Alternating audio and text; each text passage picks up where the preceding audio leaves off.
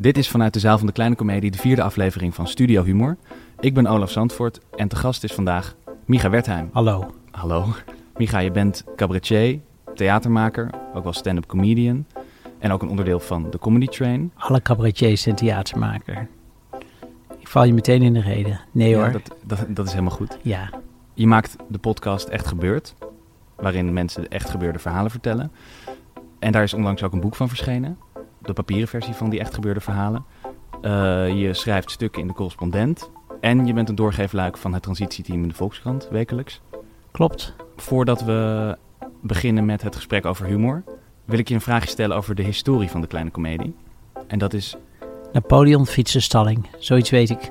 Is altijd het antwoord. dat zijn de vragen bij, bij, de, bij, de, andere, bij de andere mensen. En de- deze keer is het, waar werd dit theater voor opgericht? Ik heb een multiple choice, als je die wil horen.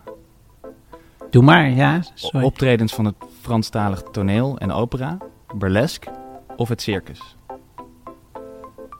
Nou, ehm, ik denk de Franstalige opera. Ja, Want het was iets met Napoleon, weet ik. Ja. Ja. Ik Ja. heb me daar nooit echt goed in verdiept. Maar altijd als ik dan zo'n boek zie met de geschiedenis van de kleine komedie, zie ik Napoleon, denk ik, ah, dat mocht ik ooit een quizvraag krijgen, dan red ik me er wel uit.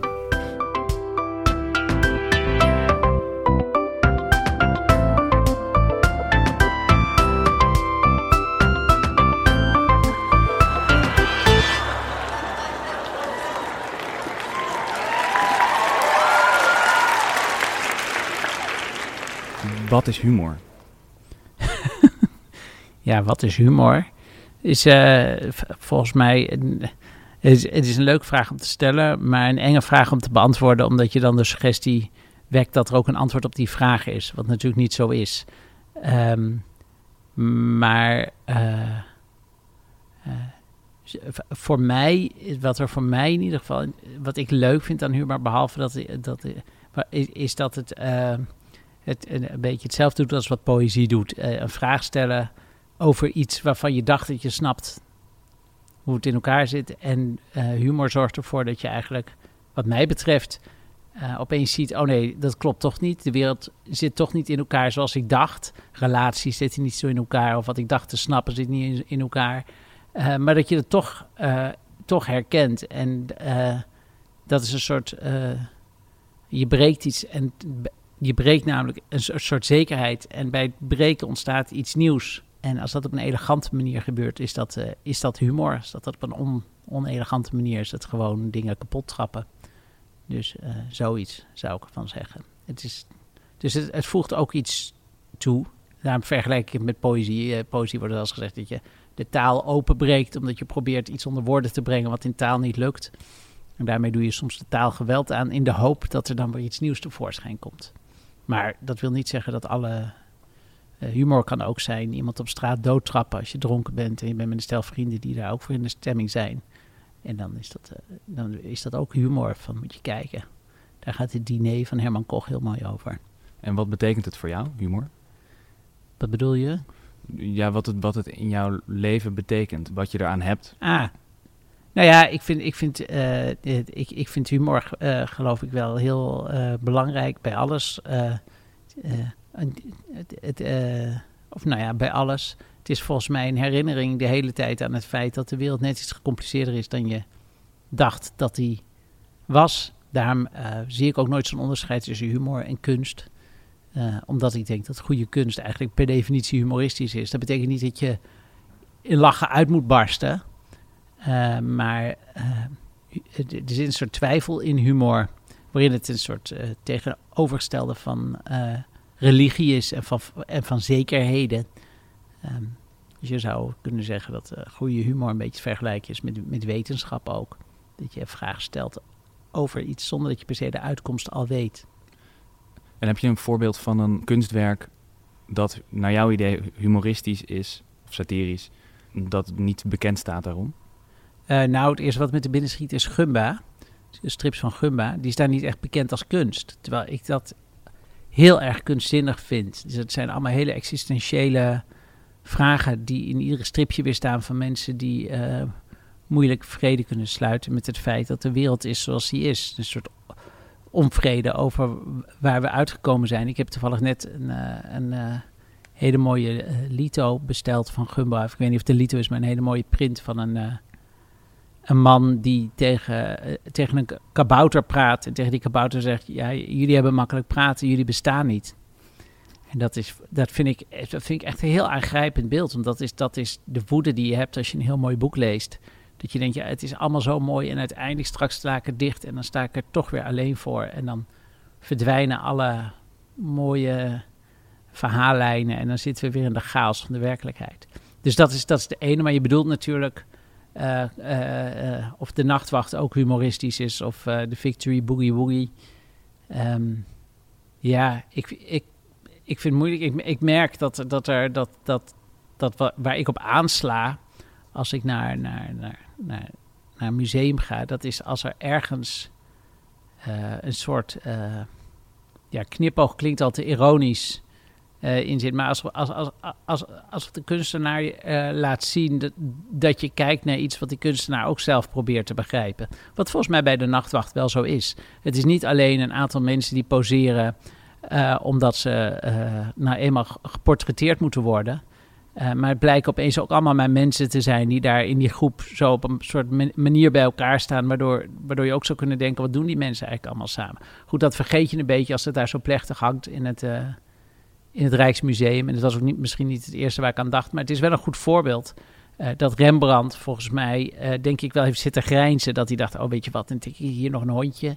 En dan daar nog een jongen met een trommel. En en doordat hij het, het, het, de opdracht misschien minder serieus neemt, is hij uitgekomen bij iets wat veel serieuzer genomen kan worden. Namelijk een, niet alleen maar een eerbetoon aan, aan, aan die mensen die daar staan, maar ook, ja, ook een beetje een vraag van het zijn ook maar mensen. En, uh, dat, dat, ja. Dus dat, dat zou ik wel humoristisch durven noemen. Ja, in elk geval een soort kritiek. Een, of een soort. Um, ja, kritiek spot. als in de zin dat kritiek, kritiek wordt te vaak uitgelegd als dat je zegt ik vind het goed of ik vind het slecht. Maar kritiek in de originele zin van het woord is dat je ergens vragen bij stelt. Dat je, dat je, en dat je uh, iets openstelt voor interpretatie. Dat is wat eigenlijk leuke kritiek is. En daar, daar, daar, dat vind ik altijd heel erg leuk. Om na een voorstelling uh, te gaan denken, waar gaat het over? Of als ik een film gezien heb, meteen te gaan denken... oh, maar dit gaat eigenlijk ook over dit en ook over dat. Uh, en of dat nou zo is of niet, dat, dat maakt me niet zo uit. Maar als, als een film of, of, of zo gemaakt is dat dat mogelijk is, dan is dat bijna altijd omdat er toch ergens een soort uh, ja, humor ja, in zit. De, ja. En het is ook een manier van serieus nemen van wat je gezien hebt. Ja, ja. En ik denk, dus ik denk dat een, een, werk dat met humor gemaakt is, makkelijker serieus te nemen is. Want een werk wat in pure ernst gemaakt is, is vaak zo zeker van zichzelf al dat er heel weinig nog uit te halen is. Dus dan kan het een aanklacht zijn tegen racisme. En dan kan je alleen maar zeggen van ja, dat is ook inderdaad uh, eigenlijk niet goed, racisme. En dan, dan, dan heeft het kunstwerk voor mij uh, uh, niet iets bijgedragen. Heb je daar een voorbeeld van? Van iets wat echt in pure ernst is gemaakt, waardoor er weinig overblijft voor de interpretatie?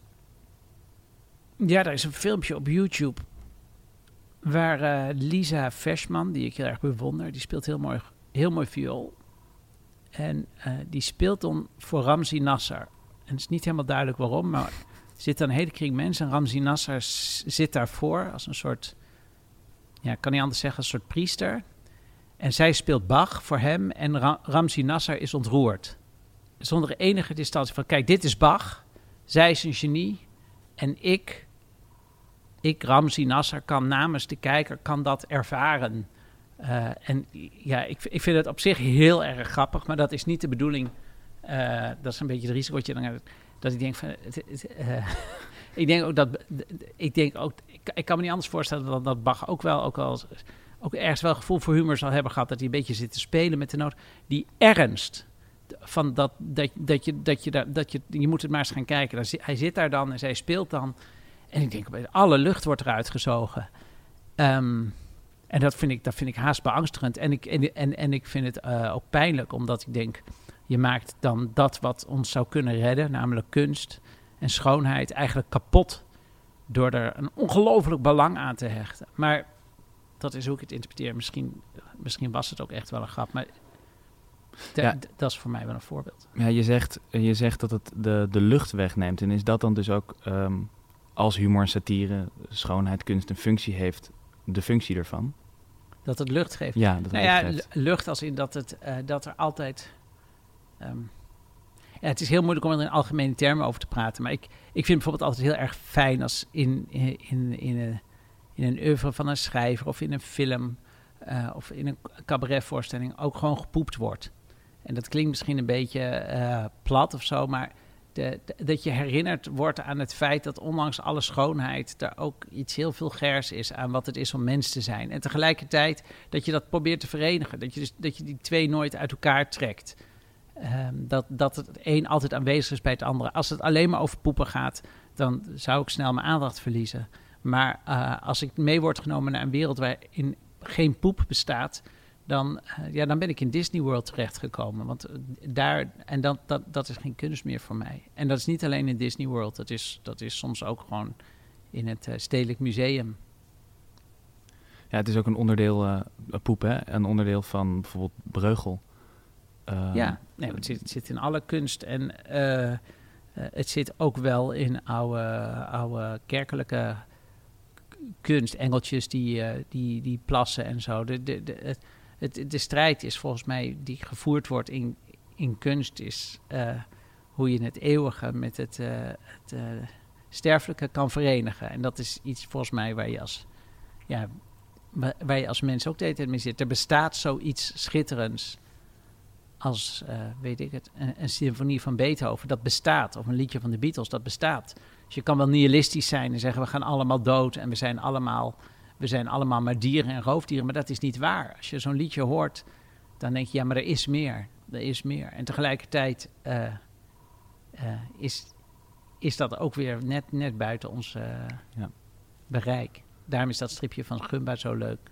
Dat die man tegen die kabouter zegt: Jullie hebben makkelijk praten, jullie bestaan niet. Maar eventjes bestaat het wel. En zodra je erin gaat geloven, dan wordt het, dan ja, dan wordt het iemand die echt in kabouters gelooft. Dus het is heel ingewikkeld. Ja, humor en kunst en satire schuren ook. Zeg maar, die, die, zijn, het, het, het, geeft lucht, het geeft schoonheid, of het biedt schoonheid. Maar tegelijkertijd eh, snijden ze soms ook ehm, onderwerpen aan die voor sommige mensen beledigend zijn. Ja, beledigend weet ik niet. Ik, ik, ehm, ja, of alles is beledigend. In principe, in principe eh, da- daar heeft de Taliban wel een punt. Er is gewoon de schepping, die is perfect. Eh, en alles, iedere poging om zelf ook iets te gaan maken, al was maar een schilderij van een boom of van een mens, is natuurlijk blasfemisch. Want je, dat wordt nooit zo mooi als een echt mens of als een boom. Ehm, maar ik weet niet waarom ik dit nou als antwoord gaf eigenlijk. Want je vraag was volgens mij iets heel anders. Nou ja, het gaat over belediging. Oh ja, beledigen. Ja, waar ik zelf eigenlijk aan moest denken is dat ehm, hier in de kleine komedie dan, eh, iets waar ik zelf helemaal niet zo goed in ben, maar eh, je krijgt van critici altijd meer punten voor, voor maatschappelijk engagement dan voor slapstick en woordgrapjes. Terwijl ik denk dat slapstick en woordgrapjes veel belangrijker zijn. Want woordgrapjes, waar, gaat dat over? Dat gaat erover dat de taal, toch het enige wat we hebben om ons uit te drukken hoe we ons voelen, dat die niet toereikend is. Woordgrapjes gaan er eigenlijk over dat, dat als iemand een woordgrapje maakt, merk je van, oh ja, dat, dat is niet, ik luister niet alleen maar naar inhoud, maar ik luister naar een soort rare vorm die het net niet mogelijk maakt om te zeggen wat ik bedoel. En door woordgrapjes word je daar bewust van. Hetzelfde geldt voor slapstick. Slapstick gaat over, ja, hoe ga je om met, eh, ja, met de wereld, dat, met de dingen om je heen. En eh, Kees Doorn kon dat heel erg grappig. En die kreeg altijd eh, complimenten op dat hij een taalkunstenaar was en zo. Maar ik, ik vond hem ook heel. Freek de Jonge kan het ook heel goed, vind ik. Gewoon slapstick, struikelen op het podium. Nou, volgens mij, struikelen is een van de ja, meest artistieke dingen die je kan doen. Eh, en het is ook een van de grappigste dingen. Dus eh, de- ik gaf dat geloof ik omdat ja, het is altijd bij kunst dat, het, dat, het, dat sommige mensen het kwetsend vinden. Maar het is, het is ook vaak dat mensen het te plat vinden. En dat vind ik dan eigenlijk weer kwetsend. Omdat ik denk, ja, dat, dat is onzin. Ben jij wel eens beledigd? Ik ben beledigd als mensen neerbuigend doen over iets waar je hard om moet lachen. Of, eh, eh, en helemaal als er wordt gezegd, ja, dat er een beetje woordgrapjes zitten uithalen. Dat ik denk, ja, als het dom is puur op effect, dan vind ik het ook saai. Maar in principe eh, is poëzie niks anders dan woordgrapjes. Alleen op een heel hoog niveau, waardoor je misschien niet de hele tijd snikt van het lachen. Maar de meeste goede dichters die je ken hebben een goed gevoel voor humor. Ja, je, ik, ik ehm, introduceerde je net in de, in de inleiding als theatermaker, cabaretier. En toen viel ja, dat was omdat er vandaag in de krant een stukje stond van Arien Wensink. Ik ben genomineerd, ik begin er zelf maar gewoon over. Ik ben genomineerd voor het theaterfestival. Er stond dan, er stond dan bij dat... Uh, dat ja, dat wel, was wel bijzonder. Want, uh, maar ja, Wertheim is ook steeds meer een podiumkunstenaar en steeds minder een cabaretier. En uh, dat vond ik zo'n onaangenaam zinnetje, dat ik misschien ook een boze brief wil gaan schrijven naar de kant. Want het voelt, zij maakt een soort onderscheid wat, wat nergens op slaat. A, heeft zij geen idee wat er in cabaret bestaat. Er is heel veel cabaret waar ik niks mee heb. Maar ik had niet kunnen maken wat ik maakte zonder Wim Helzen, Hans Theeuwen, Katinka Ponderman, Kees Toorn. Uh, er is een hele artistieke cultuur in, in cabaret die vele malen artistieker is dan sommige toneelvoorstellingen die ik gezien heb in mijn leven. Dus, dus, dus toen jij zei, ja, podiumkunstenaar en wat was het, theatermaker en cabaretier, ik denk, ja, noem mij een cabaretier die geen theater maakt. Dus ik, eh, viel je meteen in de reden en dacht toen ook van, ja, daarom vindt iedereen me altijd zo onsympathiek. Maar ja, dat moet dan maar. Ik vind je helemaal niet onsympathiek. Nee, omdat ik het dan weer heel goed zelf relativeer. Ja, ik red me net. Tenzij je dit eruit knipt. En ik ben blij dat ik je niet vergeten ben. Dat ik nog zoveel kleine dingen van je ken. Omdat ik steeds ben blijven dromen. Dat het toch zo ver zou komen. Ben ik blij dat ik je niet vergeten ben.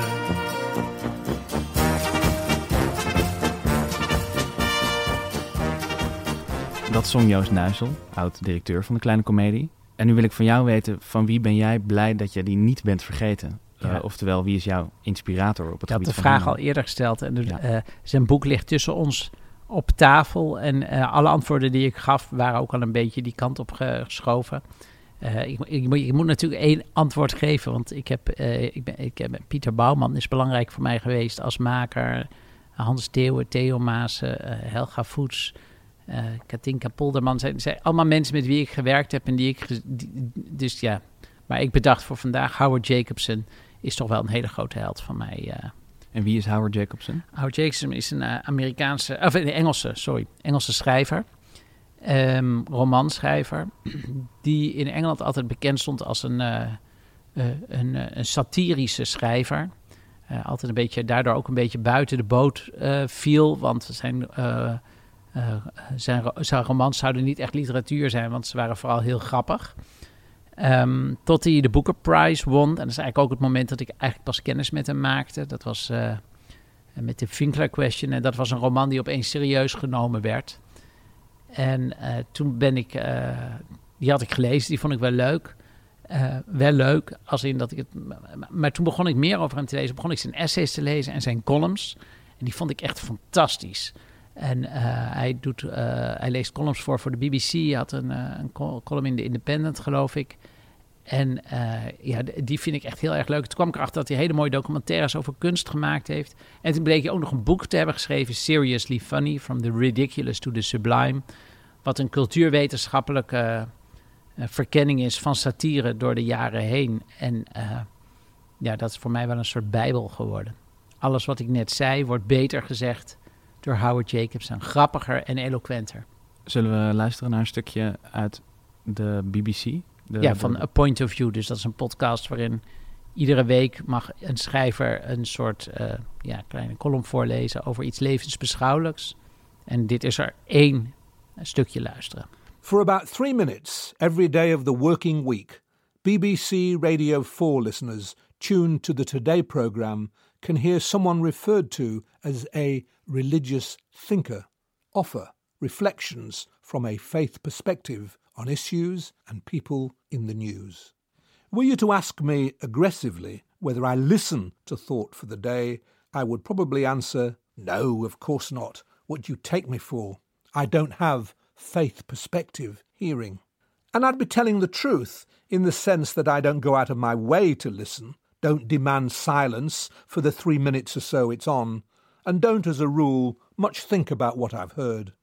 But this is not a principled shutting down of attention, and sometimes I do find myself interested in a voice or a line of thinking. admire the clarity of an argument or the aptness of a metaphor, and inwardly congratulate the speaker on avoiding the common faith perspective pitfalls of triteness, condescension, and far fetched fabulation. You'd think that what I've just described hardly qualifies me as a fan of the slot, and that I'd not care much either way if it were replaced. And yet, the moment I hear a voice raised against it, I grow passionate in its defence. Of those who do raise their voices against it, the most vociferous, obviously, are atheists and humanists. Ja, nou ja, goed. Het, is, uh, het, zijn uh, uh, lange verhalen die je houdt. Maar dit, ja, dit, ik moest één voorbeeld geven van waarom ik hem zo leuk vind. is hij, nou, wat hij meteen al doet, is dat hij, hij kiest een vijand. Eerst, eerst distancieert hij zich van, de, van de, een religieus praatje van God. Dat hij zegt, tuurlijk heb ik daar niks mee. Om vervolgens zichzelf tegen te spreken en te zeggen van nou, maar en daar komt hij hierna bij. Ik, ik, ik, als atheïsten dan zeggen: het moet maar eens afgelopen zijn met die religieuze praatjes. Dan uh, ben ik misschien uh, toch eigenlijk wel weer voor. En dan gaat hij het opnemen voor religieuze praatjes. En waar hij het eigenlijk voor opneemt, is dat hij zegt: Goed, ik, ik, ik geloof dan niet in God. Uh, maar waar het, het, grootste probleem wat ik heb met religie, is dat het vaak zo slecht geformuleerd, retorisch in elkaar zit. Maar de ervaring de levenservaring, namelijk hoe gaan we om met het kwaad en hoe gaan we om met de tegenslag, die vind ik heel erg belangrijk. En als een religieus persoon daar iets zinnigs over zegt, en hij komt op een gegeven moment met een schitterend gedicht uit de 17e eeuw, uh, dan ben ik daar heel erg in geïnteresseerd. Dus hij raakt eigenlijk in dit stukje, maar goed, het is altijd wat moeilijk om zo'n zo, zo klein fragment te laten horen. Dus mensen moeten vooral naar A Point of View van de BBC gaan luisteren. Uh, maar hij raakt eigenlijk in essentie aan wat, wat ik net ook al zei, is dat, dat je kan op een satirische manier met religie omgaan. Namelijk religie beleiden vanuit de wetenschap dat uh, God niet alles op gaat lossen, dat het niet allemaal goed gaat komen. Dat is pathetisch. Um, maar er is ook nog een mooie religie, namelijk levens, ja, grote vraag van het leven beantwoorden. En de andere kant daarvan is dat in de kunst heel vaak op een haast religieuze manier geluisterd wordt naar iemand als Ivo van Hoven, als we dan toch toneel op Amsterdam gaan, beetje nu uh, naar Ramsi Nasser, die, die, die heel erg praat als een soort uh, messias vaak over, over hoe we in het leven moeten staan en wijsheden verkondigt. En dat, dat ik denk van, maak eens een grapje. Dat weet je juist niet. En juist door te delen hoe je het niet weet en hoe je er wel naar zoekt, wat hij ook wel laat zien hoor, maar kom je veel dichterbij dan, uh, ik weet nog dat hij bij Zomergast op een gegeven moment zei... er moet misschien een opleiding in liefde komen. Dat mensen leren hoe ze lief moeten hebben, zoiets. Dat hij dacht, oh god, laten we daar ook een opleiding van maken. Maak nou maar gewoon mooie voorstellingen... waardoor mensen denken, oh ja, liefde is inderdaad ingewikkeld. Er is juist geen opleiding voor te geven. Maar goed, ik, ik geloof dat ik iets te... En dat is het andere wat ik leuk vind aan hem. Hij is net als ik gewoon verschrikkelijk polemisch. Zijn, zijn columns heten... What, uh, eerste bundel heet Whatever It Is, I Don't Like It. Wat het ook is, ik hou er niet van. En daar kan ik me heel erg in, uh, in vinden. Dat vind ik een heel leuk uitgangspunt gewoon. Contrair. Zonder dat hij nihilistisch wordt of uh, alleen maar sarcastisch. Want hij wil wel, hij wil wel dat die kabouter uh, bestaat. Waarvan hij weet dat het niet zo is. Herken je in meer van Howard Jacobson? In wie hij is? Nou, het gekke is dat ik zijn romans altijd wat moeilijk vind. En wel, wel, wel mooi.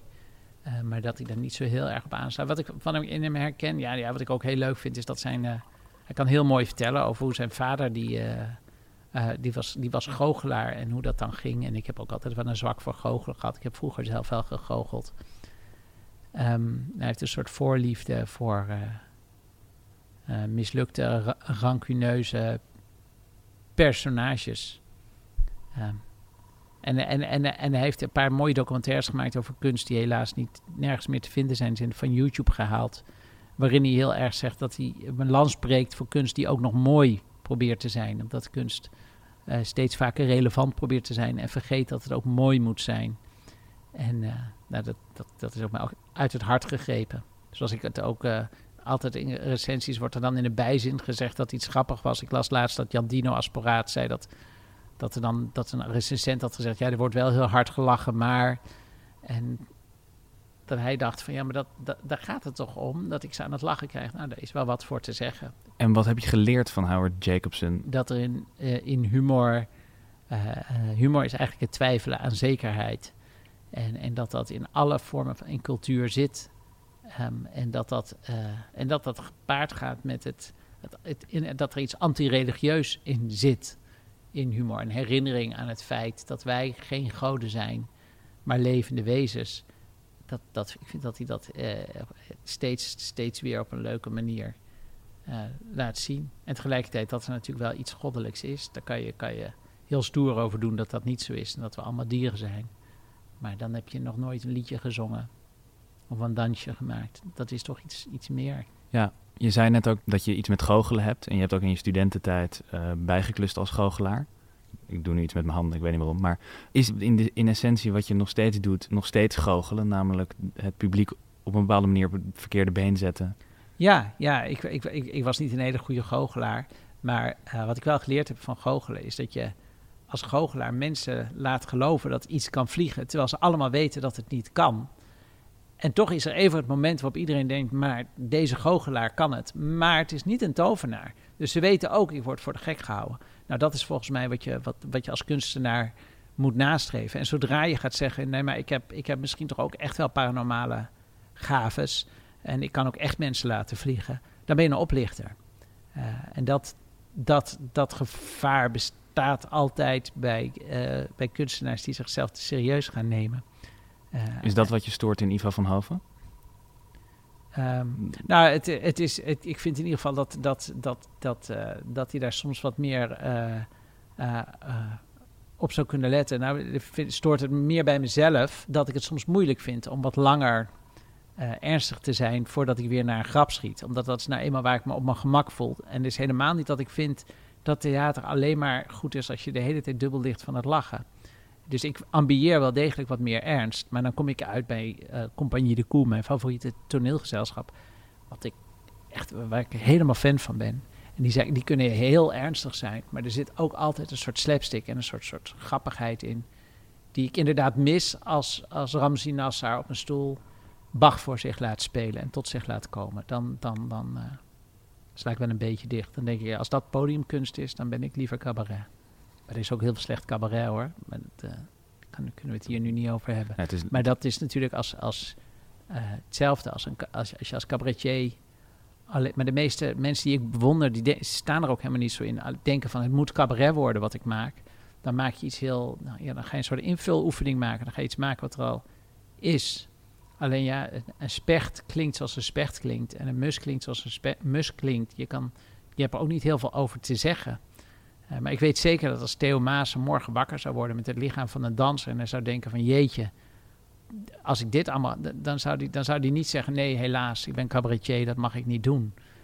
Um, hij heeft trouwens het lichaam van een danser natuurlijk, want een danser heeft gewoon twee armen en twee benen, realiseer ik me nu. Dat is een heel slecht uh, voorbeeld. Uh, maar ik kan wel zeggen dat ook bij dans voor mij geldt dat ik dans interessant. Ik ben een heel groot fan van dans, maar vooral als de dansers ook botsen en struikelen en vallen. Ik hou van moderne dans, klassiek, klassiek ballet. Dat, uh, daar ga ik zo nu en dan heen en dat ik dan denk, ik zal het toch eens proberen. En dan kom ik woedend buiten. Dat ik denk, ik heb nou een soort acrobatiek zitten kijken. En dan vind ik dat... Uh, Waar komt die woede vandaan, denk je? Ja, omdat ik het een ontkenning vind van wat er nou net zo mooi zou kunnen zijn aan dans.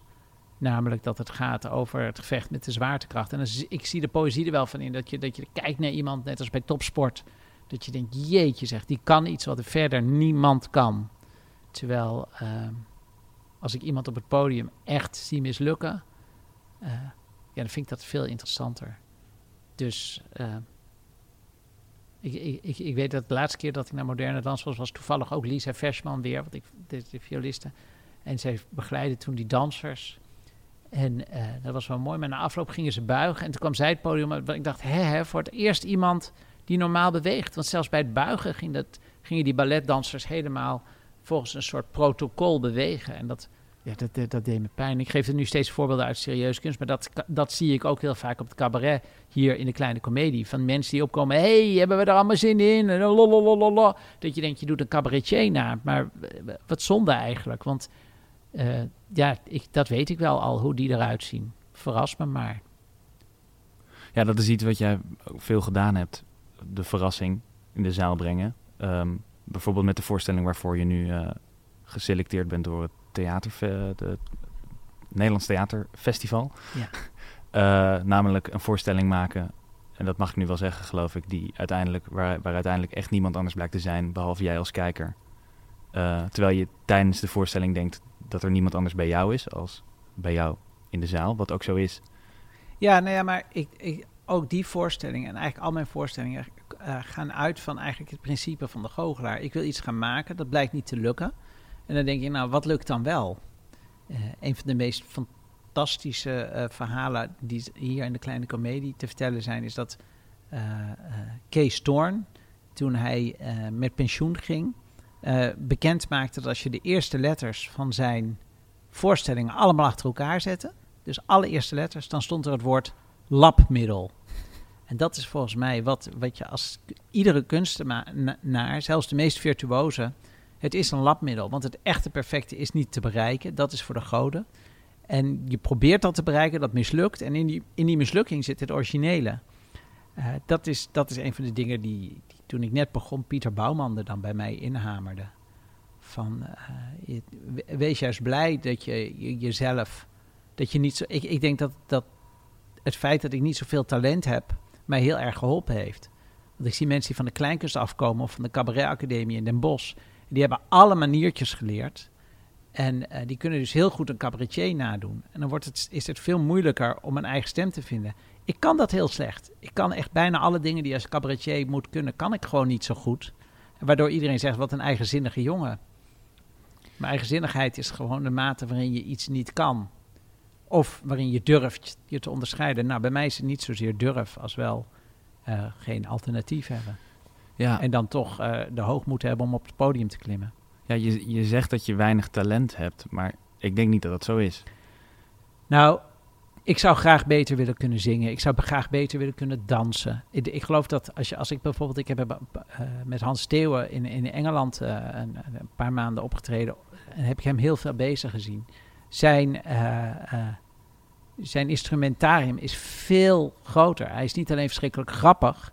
Hij kan perfect imiteren, al hoor je hem dat nooit doen. Hij kan dansen, hij kan zingen, hij kan componeren. Hij kan al die, al die registers heeft hij tot zijn beschikking. Ik heb veel minder registers tot mijn beschikking. Uh, en uh, probeer me er dan uit het, het op te lossen. Maar wat we doen is allebei hetzelfde. Namelijk proberen met wat je hebt er dan toch maar iets van te maken. Maar ik bijvoorbeeld, de ja, toneelacademie had, was ik waarschijnlijk niet aangenomen. Dus ja, nee, het is, het is niet alleen maar bescheidenheid. Valse bescheidenheid. Het is gewoon echt wel een beetje zelfkennis. Ja. Ja, je, je noemt net dat, dat, dat je de verrassing op het podium en dus de imperfectie of het falen van datgene wat je ziet. Um... Ja, daar hoef je niet bang voor. Dat, ik denk alleen van, als ik, ik heb nu ook wel eens een paar keer met een voorstelling gewerkt, met iemand helpen regisseren dat ik altijd zeg van laat dat gewoon, uh, neem dat mee, omarm dat. Ja, dat, dat, dat is...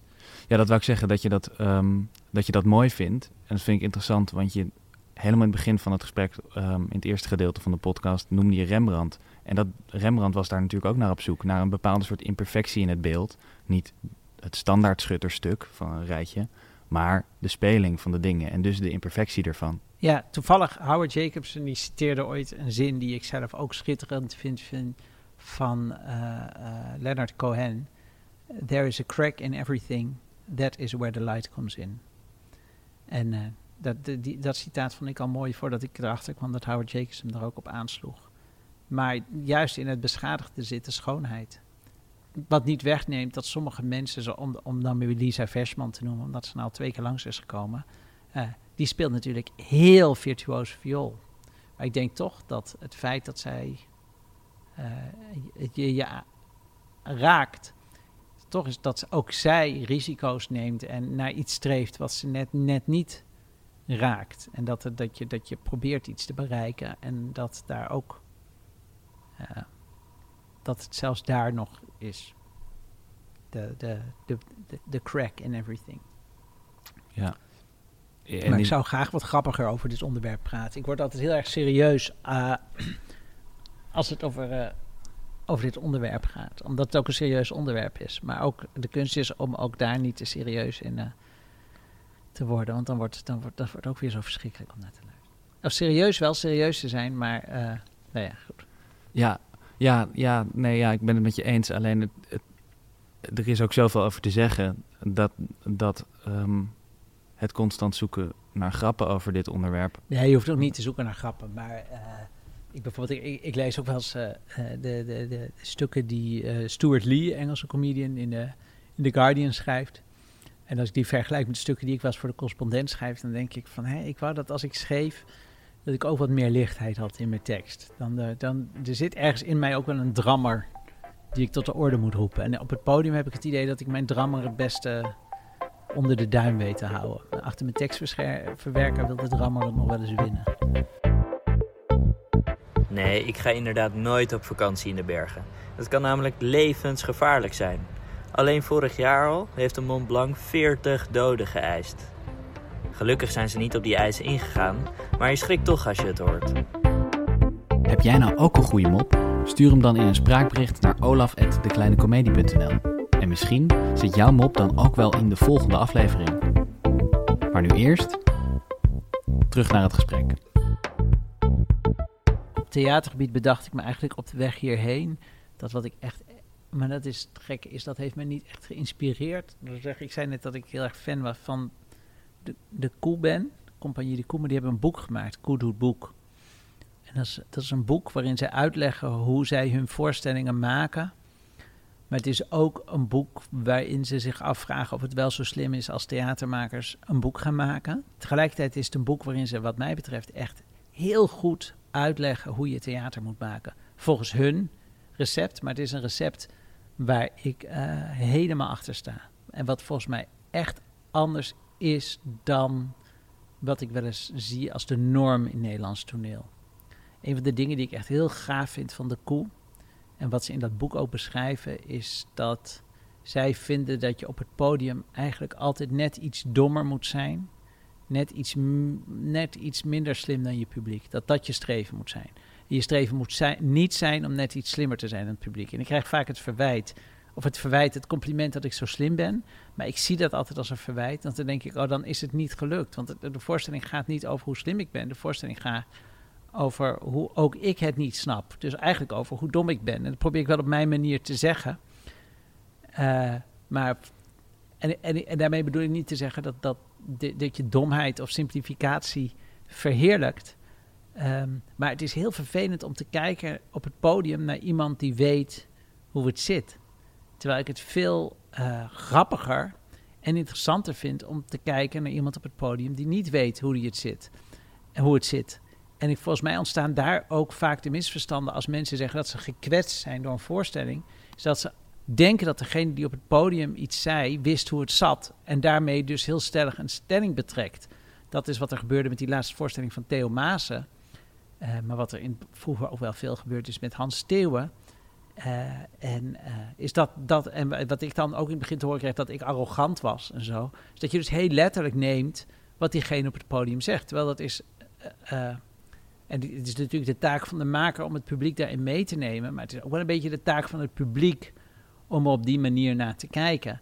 Die, die voorstelling van Theo Maassen ging niet over een rechtstreekse kritiek op diversiteit. Alleen maar in de zin, in de letterlijke kritiek van het klopt allemaal niet maar meer iemand die dat probeert tegen te spreken.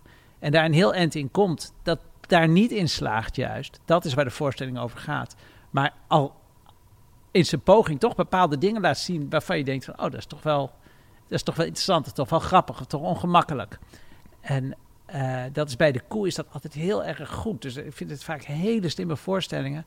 Maar zij realiseren zich dus heel erg goed. En dat vind ik, dat probeer ik zelf ook wel te doen, te denken van ja, Ga er maar vanuit dat de zaal slimmer is, want die zijn met meer. Dus je moet nooit het podium opkomen om te denken: ik ga, ik ga ze iets eh, tot een inzicht brengen of ze iets leren. Uh, want dat. Aan de ene kant wil je dat natuurlijk wel, dat je mensen iets. Maar, maar, maar, je moet je realiseren dat je. Die mensen hebben allemaal al geleefd. Je, je gaat niemand verrassen met van jongens, we leven maar één keer en maken wat van. Dat heeft iedereen hier heeft dat al bedacht. Dus je, je, je wil een soort uh, een soort stuk speelgoed aanleveren waar je dan waar je als publiek aan kan gaan knagen. En dat kan alleen maar ehm, als je je realiseert dat de ander ermee aan de slag kan. En als jij jezelf boven publiek stelt als maker, al kan het in virtuositeit zijn of in intellectueel, dan, dan schep je een soort afstand. Dus ik zie dat altijd als een zwakte. Dus daarom ben ik ook een beetje onzeker als ik dan genomineerd ben voor zo'n festival. Dat ik denk, oh god, daar gaan we weer. Ik ben dan dus de cabaretier die slim wordt gevonden. En dan denk ik, dan is het me toch niet zo goed gelukt als Kees Thorn. Uh, want die is ook verschrikkelijk slim. En daar, daar, daar heeft de goede gemeente nooit van doorgekregen hoe slim die was. Uh, en nou ja, zo zijn er nog wel wat meer voorbeelden te geven. Um, ja, ja, maar het is wel opvallend, want jij maakt in je voorstellingen altijd grapjes over de dingen die jij niet begrijpt. Het eerste wat nu in me opkomt is de, is de opmerking van... Um, ik kan heel goed tegen kritiek, maar dan moet het wel kritiek op Amerika zijn. Wat ik een heel leuk grapje vind. Maar daar, daar, daarmee zeg je natuurlijk dat je niet begrijpt wat kritiek is. Want je, of tenminste, je, je stelt er iets mee wat het nou ja, ja, dat is wel grappig. Nou, dat is een goed voorbeeld, want dat is eigenlijk niet waar die grap vandaan komt. Maar dat is misschien ook wel niet leuk. Zij kwam bij mij meer vandaan uh, uit dat, dat, dat eigenlijk iedereen die... Uh, dat is de laatste jaren wel een beetje gekanteld. Maar dat het altijd, dat altijd Amerika wordt geweest. Ja, maar wat er daar aan de hand is, dat, dat kan toch echt niet. Terwijl ik altijd denk, ja, dat is gewoon ook een land, net zoals wij. En uh, zij om een of andere reden is, is altijd. Dus, dus, maar, eh, maar de grap is denk ik goed, omdat hij op meerdere kanten op kan vallen. Nou ja, ik, ik, snap, ik snap ook dat, dat, dat dat erachter zit. Maar ik bedoel, je zet jezelf er niet uh, heel slim mee neer. Het is niet. Nee, dat vind ik ook niet. Maar ik, ik vind het zelf ook wel meevallen. Kijk, ik, um, ik, heb, ik heb echt een boel vrienden om me heen. die, die, die veel meer gelezen hebben en veel meer weten. Maar wat ik wel ooit besloten heb, dat herinner ik me echt letterlijk. Dat ik ooit in Edinburgh uh, was. Waar we met stel comedians waren we naar Edinburgh gegaan en daar trad Stuart Lee op. Die was toen eigenlijk voor het eerst weer begonnen met stand-up. Was vrij onbekend. Nu wordt hij, is heeft hij ook wel weer heel veel erkenning. Hij was net begonnen als solo stand-up comedian nadat hij een aantal jaren uh, aan een opera had geschreven die, die, die heel goed was, maar waar hij failliet aan was gegaan. En ik zag hem en ik zag opeens van deze man heeft in ieder geval besloten dat de woorden die hij gebruikt niet gaat weglaten omdat hij denkt, die vinden mensen moeilijk. Dus het is niet dat ik moeilijke woorden gebruik om mensen te imponeren, maar ik heb wel besloten, als ik een grap heb over Karel Popper, omdat toevallig ik nou eenmaal een opleiding heb gehad waarin Karel Popper langskwam, waardoor ik dat grappig vind. Niet om te bewijzen dat ik die opleiding heb gehad, maar ik kan er ook niks aan doen dat mijn vader een poster van Karel Popper aan de muur had hangen. Dat is een filosoof, dat is onderdeel van mijn leven. Ik ga niet op mijn knieën en zeggen, daar, daar ga ik dus geen grappen over maken, want dan ben ik elitair of dat is ingewikkeld. Maar dat vind ik juist niet elitair. Dat vind ik gewoon ervan uitgaan van dat, dat iedereen dat wel snapt. Ik probeer die grap wel zo te maken dat iedereen, dat mijn publiek erin mee kan. Ik wil niemand ermee uitsluiten. Ik wil het niet gebruiken om mensen uit te sluiten, maar ik... Uh, en dat is, wordt volgens mij soms door sommige mensen opgepikt als van... Ik krijg wel eens te horen van, hoe durf je met die grappen de provincie in? En denk altijd van, ja, ik kom uit de provincie. Dus ik, ik, ik snap helemaal niet waarom je... Uh, waarom ik, in de provincie zijn ook mensen die uh, bepaalde dingen leuk vinden en sommige dingen niet leuk. Maar dat hele idee tussen... dus dat, dat heb ik mezelf wel toen voorgenomen ik ga in ieder geval niet, als ik ergens, als ik iets grappig vind, dat niet doen, omdat ik denk, dan snappen ze het niet. Dan, dan ga ik maar net zo lang werken tot ik een publiek heb dat dat wel snapt. En ik ga ervan uit dat er meer dan genoeg mensen zijn die dat wel snappen. En als mensen het niet snappen, omdat ze het toevallig niet weten, is dat voor mij niet een teken van domheid, maar een teken van, nou ja, goed, dan leven wij in een andere wereld. Ik, eh, ik, ik weet, als ik tegenwoordig naar Toomler ga, comedians die optreden, dan hebben ze het soms over dingen waarvan ik niet weet wat het is. Omdat ik een oude man aan het worden ben die gewoon niet zo op de hoogte is van wat mensen weten. Dat betekent ook niet dat ik dom ben. Maar dan denk ik, oh ja, nou, maar soms voel je dan toch, als de grap goed gemaakt is, voel je wel, ah, dat gaat over zo'n soort personage. Daar kan ik wel, dan, dus dan doet het allemaal niet zo toe. Ja, het is interessant. Ik heb um, cultureel erfgoed gestudeerd aan de Rijmert Academie. Dat is een studie die zich richt op uh, de museumwereld.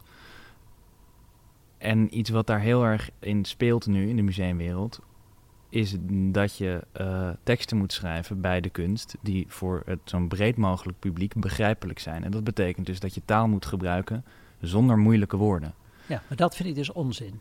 Want ik denk dat je als taak, als museum, en daar ben je dan denk ik uh, dat je mensen mee moet nemen. Dus je moet niet moeilijke woorden. Kijk, als ik naar het stedelijk ga, dan, dan zijn de teksten in het Engels om onverklaarbare redenen. Nederlandse kunstenaars die een kunstwerk een Engelse titel geven met een Engelse verklaring erbij. En dan denk ik, ja, dan ben je gewoon, ben je gewoon een rookgordijn aan het optrekken om niet je eigen domheid te hoeven etaleren. Maar als jij iets intelligents te zeggen hebt, dan denk ik echt dat mensen die aan het museum komen, eh dan echt wel in meegaan. En er moet ook altijd iets te leren zijn. Het is toch ook leuk als je weer eens een nieuw woord opzoekt en vraagt, wat is het? Als, als je, en dat, dat, dat is een van de dingen die volgens mij eh, helemaal ontspoord zijn natuurlijk in Nederlandse musea, maar ook de publieke omroep, die de hele tijd maar weer probeert, denkt eh, dat, dat toegankelijkheid hetzelfde is als domheid. Het grote indruk op mij maakte tijdens mijn studie was een hoogleraar die een keertje, waar andere hoogleraren bij zijn, waren, zei van, eh, ja, maar wat is ook weer de industriële revolutie? Dacht ik, ja, dat is intelligentie. Dat je tussen allemaal professoren een vraag durft te stellen waarvan je denkt, maar die zou ik misschien beter stiekem thuis op kunnen zoeken. Want eh, de industriële revolutie, als je dat niet weet, dan kan je eigenlijk geen ho- hoogleraar zijn op een faculteit van cultuurwetenschappen. Maar juist dat hij dat durfde te vragen, dacht ik van ja, maar dat, dat is wat ik wil bereiken. Dat je zo eerlijk durft te zijn dat je gewoon toegeeft. En dan blijkt er eigenlijk maar heel weinig te zijn wat je wel weet. Ja, het, het is natuurlijk iets wat constant wordt bevestigd dat je altijd maar moet weten. Je moet altijd maar het meteen weten en een antwoord hebben op alles. Terwijl het niet, het juist denk ik een heel groot goed is om, om af en toe niet te weten en dat toe te geven. Nou, sterker nog, dat is, nou ja, dat is de essentie volgens mij van, van theater en van, sati- van satire. Dat je dat laat zien, maar dat betekent niet dat je op je knieën de hele tijd alleen maar over poep en pis hoeft te praten. Omdat we nou allemaal weten wat poep en pis is. Maar eh, je moet ook niet vergeten dat we het allemaal niet weten. Dus dat, dat, is een beetje, beetje de balans. Maar ik vind het zelf heel fijn als ik naar een voorstelling ga, dat ik wel serieus genomen word. Er zijn twee manieren waarop ik niet serieus genomen kan worden. De eerste manier is dat iemand in Jip en Janneke taal tegen mij gaat praten en eh, mij uit gaat leggen eh, wat de misverstanden zijn eh, in de, de, eh, ja, als het gaat om een diversiteit in de wereld. En dat ik denk van ja, ik zit nou een soort, naar een soort brugklas college te kijken. Dat, dat vind ik beledigend. En wat ik ook beledigend vind is als ik bij een voorstelling zit en het theatergezelschap loopt mij de les te leren over hoe, hoe, bepaalde filosofen denken. Dat ik denk, nou weet je wat, dan ga ik wel een filosofieboek lezen. Daarvoor kwam ik hier namelijk niet. Ik kwam gewoon eh, om meegenomen te worden in een verhaal. Maar als, jij, als jij denkt dat jij mij iets gaat leren, het kan interessant zijn, maar dan ga ik wel een college volgen. Dat vind ik dan, daar hoef ik niet voor naar theater. Ja. Hoewel steeds meer theaters dan theatercolleges geven. Maar dat vind ik dan ook echt heel erg jammer, omdat het opnieuw een verplatting is van wat er mogelijk is in theater. Namelijk het Ga- één plek creëren waar onwetendheid gevierd wordt. Op een intelligente manier. Gaat dat ten koste van de context die in theater is? Ja, gaat ten koste van de context die in theater is. Want dat, dat, dat, dat is een andere discussie waar ik graag, eh, waar Howard Jacobson ook eh, eh, actief in is. En die, die mij zelf ook erg aan het hart gaat. Dat is de gedachte dat kunst een morele vrijplaats is. Kunst, en hetzelfde geldt denk ik ook wel voor een universiteit en voor de literatuur. En dat zijn plekken waar je bepaalde ongemakkelijke gedachten kan ontwikkelen. Ehm, en waar bepaalde dingen gezegd kunnen worden die je in het normale leven niet zou doen. Of die je niet die ook niet zou willen doen, maar die wel in ons zitten. En een van de dingen van beschaving is dat om beschaafd te zijn, moet je heel veel dingen inslikken. Je moet, het is niet verstandig en ook niet prettig om alle mooie borsten die ik zie, om daarin te knijpen. Terwijl er best iets is in mij dat dat heel graag zou willen. Maar je leert, dat doe je niet. Maar dat betekent niet dat, dat je moet gaan geloven dat, dat de wens om eens een keer een mooie borsten te knijpen, dat dat iets heel schandaligs is. Want dat zit in mij als mens. Dus daar zal ik mee om moeten gaan. Nou, kunst is een heel goede plek om dat eens te onderzoeken. Van hoe doe je dat? Uh, en dat is dan een seksistisch voorbeeld. Maar hetzelfde geldt voor identiteitpolitiek. Uh, juist, het, is, het is een van de meest... Het is heel verleidelijk om te denken van... Wat, wat is het toch leuk om Jood te zijn? Ik ben een Jood en wat zijn Joden toch bijzondere mensen? Dat is een, dat is een heel... En dus sommige mensen vinden dat dan ook nog. Die geven mij complimentjes van... Die Joden die hebben zo'n goed gevoel voor humor. Uh, ik, uh, de, dat, dat, vind ik allemaal hele onaangename dingen eigenlijk. Want ik wil gewoon een mens zijn. Maar op het podium kan je daarmee spelen. Maar dan moet je wel alle woorden kunnen gebruiken. Dus dan moet het niet zo zijn dat een bepaald woord niet gebruikt mag worden. Want daarmee kwets je mensen in de zaal. Want je kwetst geen mensen in de zaal. Want dat op het podium gebeurt, is, uh, is een mislukking waar je naar kijkt.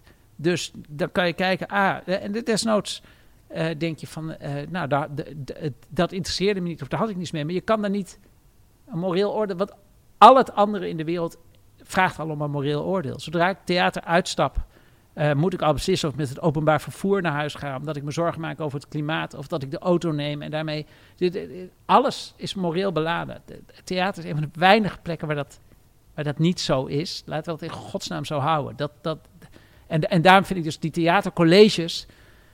Dat ik denk, ja, ik snap de theaterdirecteuren wel, want het zit vol en je trekt mensen naar het theater. Maar het, ja, dan heb je weer één avond minder waarin er eens een keertje iets gebeurt wat nou eens niet een mening is of een lezing of een, uh, of een traktaat.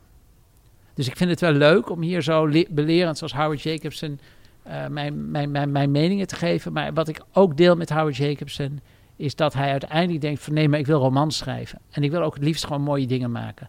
Uh, en daarnaast moet je zo nu en dan een beetje corvée en de buurt verdedigen. En dat is geloof ik waarom ik in zo'n interview als dit het leuk vind om die dingen te zeggen. Waarom ik in de correspondent zoiets schrijf. Waarom ik soms een recensie schrijf over een toneelstuk. Omdat ik wil zeggen van, hé, hey, ga daar eens heen. Maar dat vind ik een soort corvée, wat je met elkaar hebt. Maar voor mij het echte plezier, dat zit in grappen denken en kijken of ik, of ik die uit kan breiden tot een voorstelling. Ja, ja um, over dat, dat de Joods zijn Um, Nee, ja, Howard Jacobson, Jacobson is ook Joods. En in mijn voorbereiding over... zat ik te luisteren naar een podcast waar hij geïnterviewd werd. En die zei over Joodse humor... dat hij dat in zijn jeugd door andere Joodse kinderen te leren kennen... merkte dat ze een ander gevoel voor humor hadden. Uh, en dat andere mensen dat ook merkten en hem daarop aanspraken. En, uh, en altijd, dat het dan altijd ging over... Uh, ja, jullie hebben meer zelfspot. En zijn antwoord daarop was... Maar dan moet ik het goed en dan moet vertalen, want ik heb het in het Engels Voor je twee ben antisemiet. Het, gaat nu, kan, nu, het kan, nu zo, kan nu zo alle kanten op. Het is echt een heel spannend moment. Hij zei, het is niet dat wij meer zelfspot hebben, maar wij weten, wij weten hoe vreselijk, vreselijk het leven echt is. En daar gaan de grappen over. Als ik het goed ja. heb onthouden. Ja, nou, ik denk dat hij, ik denk dat hij heeft ook een boek geschreven, net als Seriously Funny, heeft hij een boek geschreven over Joodse identiteit. En als je dat boek leest, dan kom je eigenlijk tot de conclusie hij zegt op een gegeven moment dat er ook heel veel niet-Joden zijn die wat hem betreft heel Joods zijn.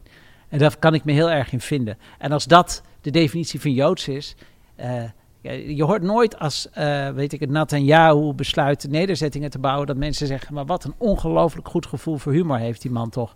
Dus dat, dat, het is een soort raar voordeel van de Joden, uh, zo'n goed gevoel voor humor. Maar wat hij daar eigenlijk zegt, is dat hij eigenlijk particulier maakt en zegt van oké, maar ik, ik, mijn vrienden en ik, als dat dan de Joden zijn, wij maakten grappen vanuit het feit dat we gezien hadden hoe oneerlijk de wereld is. Um, maar wat dat betreft zou, zouden donkere mensen net zo goed dus hele goede Joodse humor uh, kunnen hebben. En dat, dus daarmee betekent het eigenlijk meteen niks meer. Uh, en maar dat vind ik een hele fijne manier van ermee omgaan. Uh, het is ook onzin om te zeggen dat het niet bestaat, want er is een soort traditie inderdaad van, van, van, Joodse humor. Maar volgens mij op het moment dat je het gaat benoemen, wordt het zo vies en zo smakeloos en zo nietzeggend dat het eigenlijk al niet meer interessant is. Dat, dat, dat boek van hem, Jewish Smoosh of zoiets heet dat, dat is ook, ook heeft hij ook voor de BBC of Channel 4 ook een documentaire serie over gemaakt ja, dat, dat komt daar ook eigenlijk op neer. Dus wat ik leuk vind aan hem is dat hij zichzelf uh, tegenspreekt. Voortdurend. Sophie Lakmaker doet dat ook. Dat is, het, dat is wat haar boek zo verschrikkelijk grappig maakt. De geschiedenis van mijn seksualiteit is dat boek. Wat, hè, dat, is, dat is dat zij. Wat er leuk aan is, is dat ze de hele tijd heel stellig iets verkondigt. En drie zinnen later al, al totale tegendeel beweert. En daar zit een ongelooflijke ernst in. Omdat ze, dat ze de, en, en dat is eigenlijk de woede die in dat boek centraal staat. Is dat, dat en daar wordt ook wel met Catch in the Rye zo vergeleken. Is volgens mij, dat is volgens mij wat, wat pubers zo razend maakt.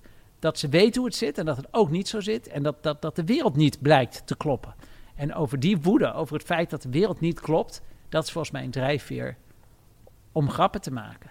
Dat je, dat je gewoon geen ja, dat je daar, dat, dat, en dat maakt de grappen van Gumba zo geniaal. Bijna de helft van wat hij momenteel maakt zijn mensen die naar schilderij staan te kijken uh, in een museum de laatste tijd. Als ik altijd staan er weer twee mensen naar schilderij. En Ze zijn altijd teleurgesteld, altijd boos. Het is altijd net niet geworden wat het had moeten worden. Uh, en ze blijven het proberen. En dat, ja, dat is aan de ene kant heel grappig. Dat is aan de andere kant heel ontroerend. En heel troostrijk. Dat je toch weer een ezel pakt en toch weer gaat schilderen. Terwijl je weet, het heeft geen zin, want ik ga dood. En het schilderij gaat mislukken. En uh, uiteindelijk word ik verlaten. Toch doe je het. En, en volgens mij als ik naar theater ga, wil ik iemand zien die dat gevecht tegen de klippen opvoert. En uh, ja, zichzelf daarbij meeneemt en daar, daardoor mij toegang geeft. Daartoe. Dit was Studio Humor. Mijn naam is Olaf Zandvoort en te gast was Micha Wertheim.